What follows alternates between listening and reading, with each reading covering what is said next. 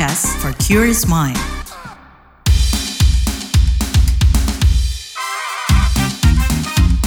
What's Trending KBR Pagi, siaran pagi radio paling update. KBR Pagi, siaran pagi radio paling update. Selamat pagi, apa kabar kalian semuanya di hari Rabu 15 November 2023. Kembali lagi saya Don Brady menjadi teman pagi hari kalian semuanya di What's Trending KBR Pagi pastinya. Nah malam ini 15 November 2023 Chris Martin, Johnny Buckland, Guy Berryman, dan Will Champion sesuai rencana akan meramaikan stadion utama Gelora Bung Karno. Ini kali pertama band asal Inggris Coldplay menggelar konser di Indonesia. Konser ini akan digelar pukul 21 waktu Indonesia Barat atau jam 9 malam nanti. Kabarnya gate dibuka sejak pukul 17. Bocorannya setlist lagu konser Coldplay bakal merepresentasikan tema Music of the Spears World Tour. Sesuai tajuk konsernya nih. Konser ini bagian promosi album Music of the Spears yang dirilis 14 Oktober 2021 lalu. Mulai My Universe, Beautiful, dan Let Somebody Go. Judul lagu-lagu viral Sky Full of Star, Fix You, Paradise, hingga Adventure of a Lifetime diprediksi dibawakan band asal Inggris ini.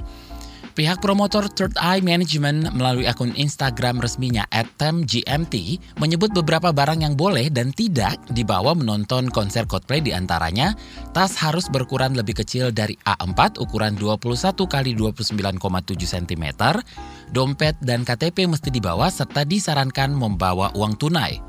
Bawa handphone beserta screenshotan e-tiket dan pastikan memiliki paket data. Disarankan membawa charger dan power bank. Diwajibkan membawa botol plastik transparan dan tidak diperkenankan membawa botol berbahan metal ataupun kaca. Disarankan membawa topi, hand sanitizer, dan juga masker. Disarankan juga membawa kipas portable serta jas hujan. Kenakan pakaian yang nyaman dan yang paling terakhir dilarang membawa atribut politik. Nah, kita bakal bahas serba-serbi konser Coldplay di Indonesia setelah jeda berikut ini. Dum dum dum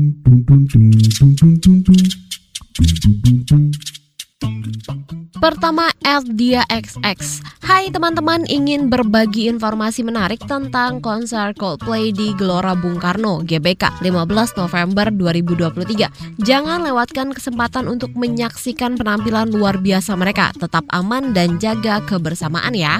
Nah, at PopXX, lirik lagu Sparks Coldplay tentang keteguhan cinta.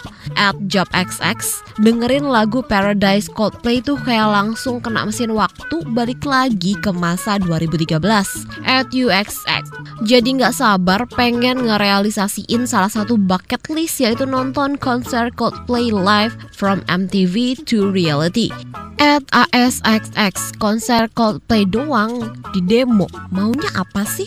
At CorXX, konser Coldplay yang datangi bayar dan yang nonton bayar kok di demo. Salahnya di mana? Hai kaum pendemo, kalau nggak suka tinggal nggak usah nonton begitu aja kok repot. Yang terakhir at ODXX Uangnya lari ke mana? FYI, semua harga tiket udah dikenai pajak saat pembelian tiket Yang otomatis masuk ke kas negara. Banyak vendor dan kru yang direkrut Berarti bawa berkah juga untuk vendor dan pekerja lokal. Hotel sekitar GBK penuh banyak pedagang panen juga. Nih bukti validnya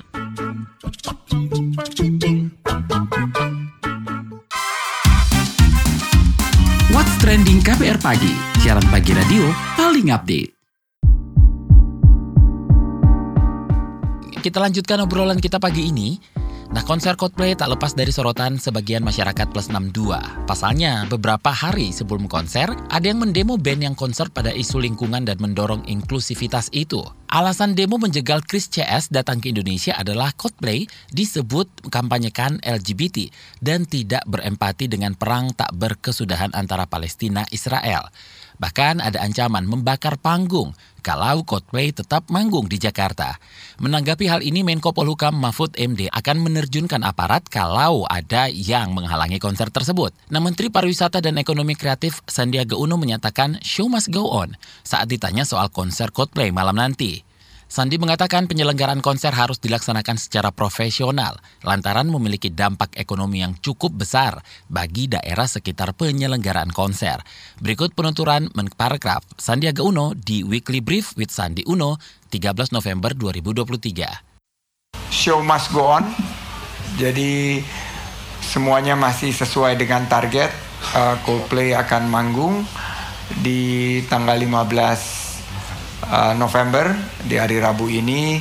Uh, kita semua mengupayakan uh, secara uh, kolaboratif uh, untuk konser ini berlangsung dengan lancar dan kami juga uh, berdoa bersama-sama di Kemenparekraf di hari Senin nanti saat buka puasa bersama kita untuk mendoakan agar uh, semua bisa berdampak kepada ekonomi kita yang lebih baik dan tentunya uh, penciptaan peluang usaha dan lapangan kerja dan konser ini bisa menjadi ajang pembuktian bahwa Indonesia sangat layak untuk menjadi venue uh, acara konser-konser besar dunia lainnya.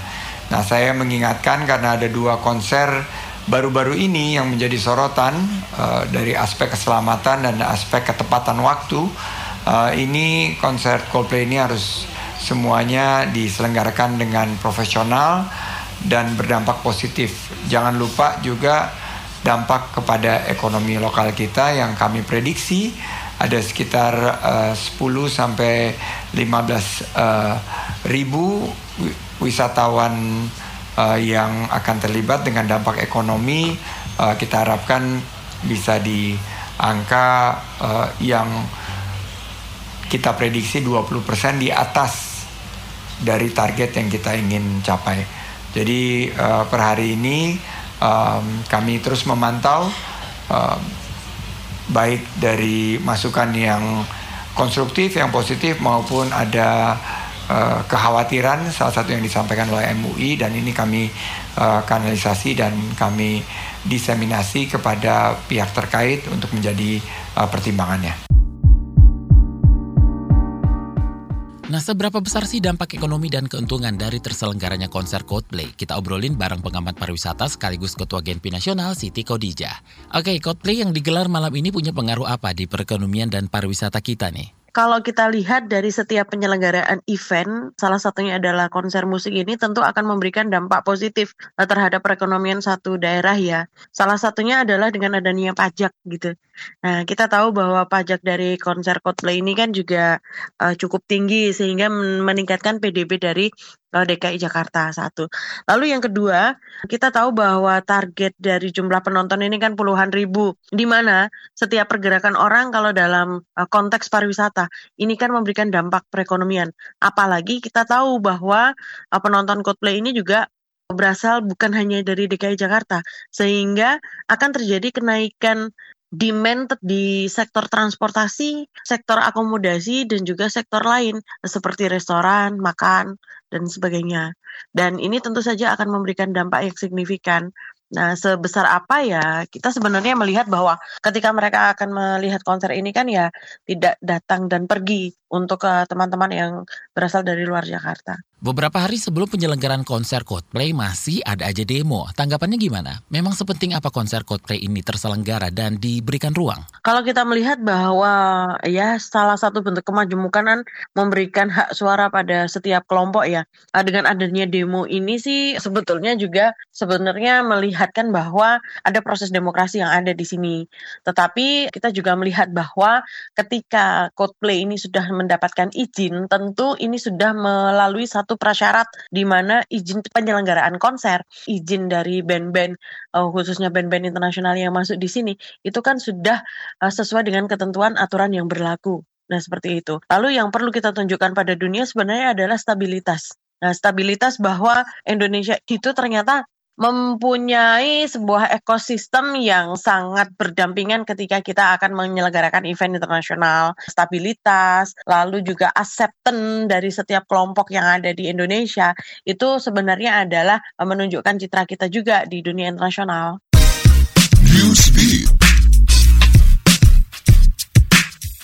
Vietnam menjatuhkan hukuman mati pada 18 orang yang dituduh menyelundupkan narkoba. Dua di antaranya adalah warga negara Korea Selatan. Selain warga Korea, ada juga warga negara Tiongkok yang disidang selama empat hari dan dijatuhi hukuman mati. Pengadilan menyatakan 18 orang itu secara ilegal menyimpan, menyelundupkan, dan memperdagangkan lebih dari 216 kg narkoba. Lebih 168 kg obat-obatan terlarang berhasil disita pihak terkait. Diduga narkoba diselundupkan dari Kamboja ke kota Ho Chi Minh. Menteri Pariwisata dan Ekonomi Kreatif Menparekraf Sandiaga Salahuddin Uno bertemu Menteri Pengembangan Nasional Singapura Desmond Lee membahas best practice pengembangan urban tourism atau city tourism di Indonesia. Pasalnya di Singapura wisata perkotaan dianggap maju dan mampu menarik 60 juta lebih wisatawan dengan beberapa pendekatan. Dari pembahasannya Sandi mengungkap pentingnya upaya penentuan lokasi strategis dengan berbagai fasilitas mumpuni. Daya tarik urban tourism tourism bisa juga didorong dengan beragam kuliner dan hiburan yang mampu menawarkan pengalaman wisata perkotaan mengesankan. Ajang penghargaan asal Korea Selatan Mnet Asian Music Award MAMA 2023 bakal diselenggaraan di Tokyo Dome pada 28 sampai 29 November 2023. Tokyo Dome dipilih lantaran tempat itu dianggap simbolis di Jepang. Tokyo Dome juga dianggap sebagai lambang pasar musik terbesar kedua di dunia. Jepang juga jadi negara yang paling banyak mengimpor album K-pop. Tahun ini Mama Award ada empat tahapan yaitu Tem, Super, Mega, and Wonder. Panggung Tem menampilkan gabungan berbagai penyanyi. Tahapan Super mengundang para penyanyi terkenal dengan konsep dan penampilan inventif. Lalu bagian Mega menyoroti pertunjukan besar dan Wonder mempertemukan artis K-pop dan musisi global.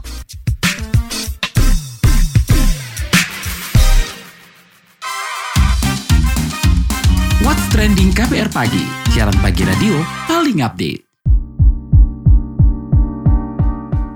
Kita masih ngobrolin seputar konser pertama Coldplay di Indonesia. Nah, kita masih bareng Ketua Genpi Nasional Siti Kodijah. Kan belakangan ada kasus band rock asal Inggris uh, Bring Me The Horizon yang berakhir ricuh. Adakah pengaruhnya ke penyelenggaraan konser lainnya? Baik, jadi ketika kita melihat event seperti ini memang harus dilihat dari genre juga setiap event khususnya musik ini kan punya genre masing-masing dan genre ini ini juga merepresentasikan bagaimana perilaku-perilaku dari para fans begitu. Kalau kita melihat misalkan uh, dengan konser musik pop, uh, dengan konsep uh, konser musik metal ataupun dengan aliran-aliran yang lain, ini kan membutuhkan spesifikasi yang berbeda. Misalkan saja bahwa jumlah dari uh, penonton. Nah, jumlah dari penonton ketika kita melihat bahwa ini konser dengan genre A, dengan genre B, ini kan tentu juga uh, berbeda. Sistem pengamanan tentu juga berbeda antara jenis uh, genre musik ini begitu. Kalau dipertanyakan apakah ini akan ada pengaruhnya atau tidak, ya tentu sebenarnya ini juga pengaruh. Kenapa bisa uh, terjadi kericuhan? Berarti kan ada event manajemen yang perlu dikoreksi, perlu dievaluasi sehingga hal ini tidak terjadi kembali. Dan uh, dengan adanya uh, berbagai konser dari musisi dunia di Indonesia dan ini ketika ini juga berjalan dengan lancar, berjalan dengan baik, nah secara otomatis ini menjadi satu citra dan satu kesiapan Indonesia yang harus kita tunjukkan kepada dunia internasional bahwa semua bisa melakukan konser di sini, semua bisa melakukan event di Indonesia dengan uh, lancar, dengan baik, begitu. Artinya ada penyesuaian keamanan untuk tiap genre konser ya? Betul, pasti jumlah jumlah penonton, karakter penonton dan sebagainya. Ini kan satu metode yang tidak bisa kita nafikan, harus dilihat dulu. Nah, karena ada kebiasaan-kebiasaan dari para penonton, lalu juga perilaku-perilaku yang mungkin ada di satu konser tetapi tidak ada di konser yang lain. Lalu bagaimana menangani orang di atas 50 ribu, lalu bagaimana kalau ini di atas 100 ribu atau bahkan di bawah 5 ribu. Tentu jumlah personel, lalu juga standar keamanan, X-ray dan sebagainya sebagainya. Nah, ini kan menunjukkan satu kualitas dari penyelenggaraan event. Terkait konser ketertiban penonton dan keamanan penyelenggaraan konser atau event internasional, apa yang perlu dievaluasi dan diamankan untuk konser Coldplay ini dan yang lainnya? Uh, kalau untuk itu wajib ya evaluasi ya, karena dari setiap penyelenggaraan kegiatan itu kan harus ada laporan. Nah, jika misalkan satu promotor uh, ternyata dinilai tidak berhasil menyelenggarakan, maka ini kan juga tidak akan diberikan izin pada penyelenggaraan event-event yang lain. Dan tentu ini kan harus ada pembinaan terhadap uh, promotor itu. Nah, tetapi dalam sisi yang lain, uh, promotor ini kan seharusnya sudah memiliki standarisasi. Apalagi uh, kalau klien atau bandnya itu adalah band-band internasional, maka standarisasi itu menjadi sangat penting sekali untuk dimenuhi oleh semua promotor. Nah, terkait dengan konser Coldplay ini, Nah, kita melihat bahwa euforianya juga sangat tinggi ya waktu pembelian tiket. Tetapi Hamin dua dari penyelenggaraan justru lebih heboh di uh, pembelian tiketnya begitu. Nah, kalau after konser mungkin nanti juga bakal banyakkan konten uh, dari teman-teman sehingga crowd di medianya juga sangat luar biasa. Nah, tetapi dalam hal konser Coldplay yang saat ini tentu banyak hal yang perlu kita perhatikan dari sisi keamanan uh, lalu juga menjamin bahwa konser bisa berjalan lancar, uh, nyaman untuk semuanya dan harapannya memang ini menjadi satu representasi bahwa Indonesia siap menjadi tuan rumah untuk konser internasional. Apa sih keuntungan Indonesia dari terselenggaranya konser atau event internasional? Dan mungkin nggak setelah konser Coldplay ini bakal banyak konser atau event-event lainnya? Salah satu hal yang bisa kita ambil manfaat dari penyelenggaraan konser internasional itu sebetulnya adalah citra. Karena citra dan juga reputasi ya karena mereka hanya mau masuk ke satu negara di mana negara itu uh, bersedia berhasil atau dalam hal ini adalah lolos dari prasyarat mereka begitu. Dan kalau kita bicara tentang reputasi, ya ini adalah pertama kali Coldplay konser di Indonesia. Nah, ketika reputasi ini bisa dijawab dengan bahwa penyelenggaraannya nanti sesuai dengan perencanaan dan sebagainya, maka sebetulnya ini akan sangat membantu Indonesia dalam hal branding dan sebagainya.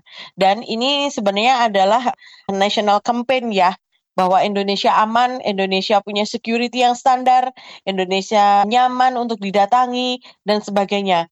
Dan harapannya adalah dengan adanya Coldplay yang konser di Indonesia, maka fans Coldplay di seluruh dunia ini juga akan melihat bahwa Jakarta menjadi salah satu lokasi yang patut untuk diperhitungkan dan ini menjadi cara kita dalam mempromosikan Indonesia. Terima kasih Ketua Genpi Nasional Siti Kodijah.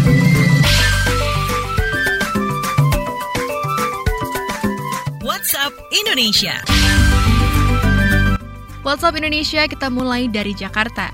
Pada rapat kerja bersama Komisi Bidang Agama DPR RI, Kementerian Agama Kemenak mengusulkan biaya haji 105 juta rupiah per jamaah. Menteri Agama Yakut Kolil Komas mengatakan, angka itu dikeluarkan berdasarkan perhitungan biaya penyelenggaran ibadah haji atau BPIH, di mana BPIH adalah biaya keseluruhan ibadah haji yang dikelola pemerintah dan gabungan uang jemaah serta subsidi pemerintah. Angka 105 juta rupiah kata Yakut sudah disesuaikan nilai kurs dolar AS terhadap rupiah. Ia mengatakan besaran biaya BPIH penting untuk menyeimbangkan besaran beban jemaah dengan keberlangsungan nilai manfaat di masa depan. Selanjutnya menuju Yogyakarta. Kepolisian Daerah Istimewa Yogyakarta DIY memastikan kasus pelecehan seksual di Universitas Negeri Yogyakarta yang belakangan viral adalah hoaks atau berita bohong. Usai selidiki diketahui pelaku berinisial RAN 19 tahun adalah mahasiswa yang nekat menyebarkan hoaks pelecehan seksual oleh Badan Eksekutif Mahasiswa BEM UNY lantaran sakit hati. Di Reskrim Suspol DIY Kombes Pol Idam Mahdi mengatakan Pelaku sakit hati saat ditolak mendaftar sebagai anggota BEM UNY. Sebelumnya beredar cerita seorang mahasiswa baru UNY jadi korban pelecehan seksual oleh seorang anggota BEM FMIPA UNY. Cerita ini diunggah pelaku via media sosial X. Sontak cerita ini viral dan diselidiki oleh kepolisian. Terakhir mampir Solo. Menteri Pariwisata dan Ekonomi Kreatif Menparekraf Sandiaga Salahuddin Uno mengatakan, Festival UMKM Pesta Kreasi Mie Ayam 2023 mampu memperkuat daya tarik kota Solo, khususnya bagi wisatawan. Pesta Kreasi Mie Ayam 2023 diselenggarakan paguyuban mie ayam tunggal rasa di Pamedan Mangkunegaran, Kota Solo. Di festival ini, wisatawan dapat mencicipi berbagai kreasi mie ayam yang dihadirkan lebih dari 100 pelaku UMKM mie ayam. Namun, pedagang mie ayam tidak hanya berasal dari Solo, namun ada dari daerah lain Pulau Jawa seperti Wonogiri. Sandi mengatakan kuliner jadi salah satu daya tarik utama bagi wisatawan. Hampir 48% preferensi wisatawan berkunjung ke kota-kota besar di Indonesia sebagai tujuan wisata adalah karena daya tarik wisata kuliner. Demikian WhatsApp Indonesia hari ini.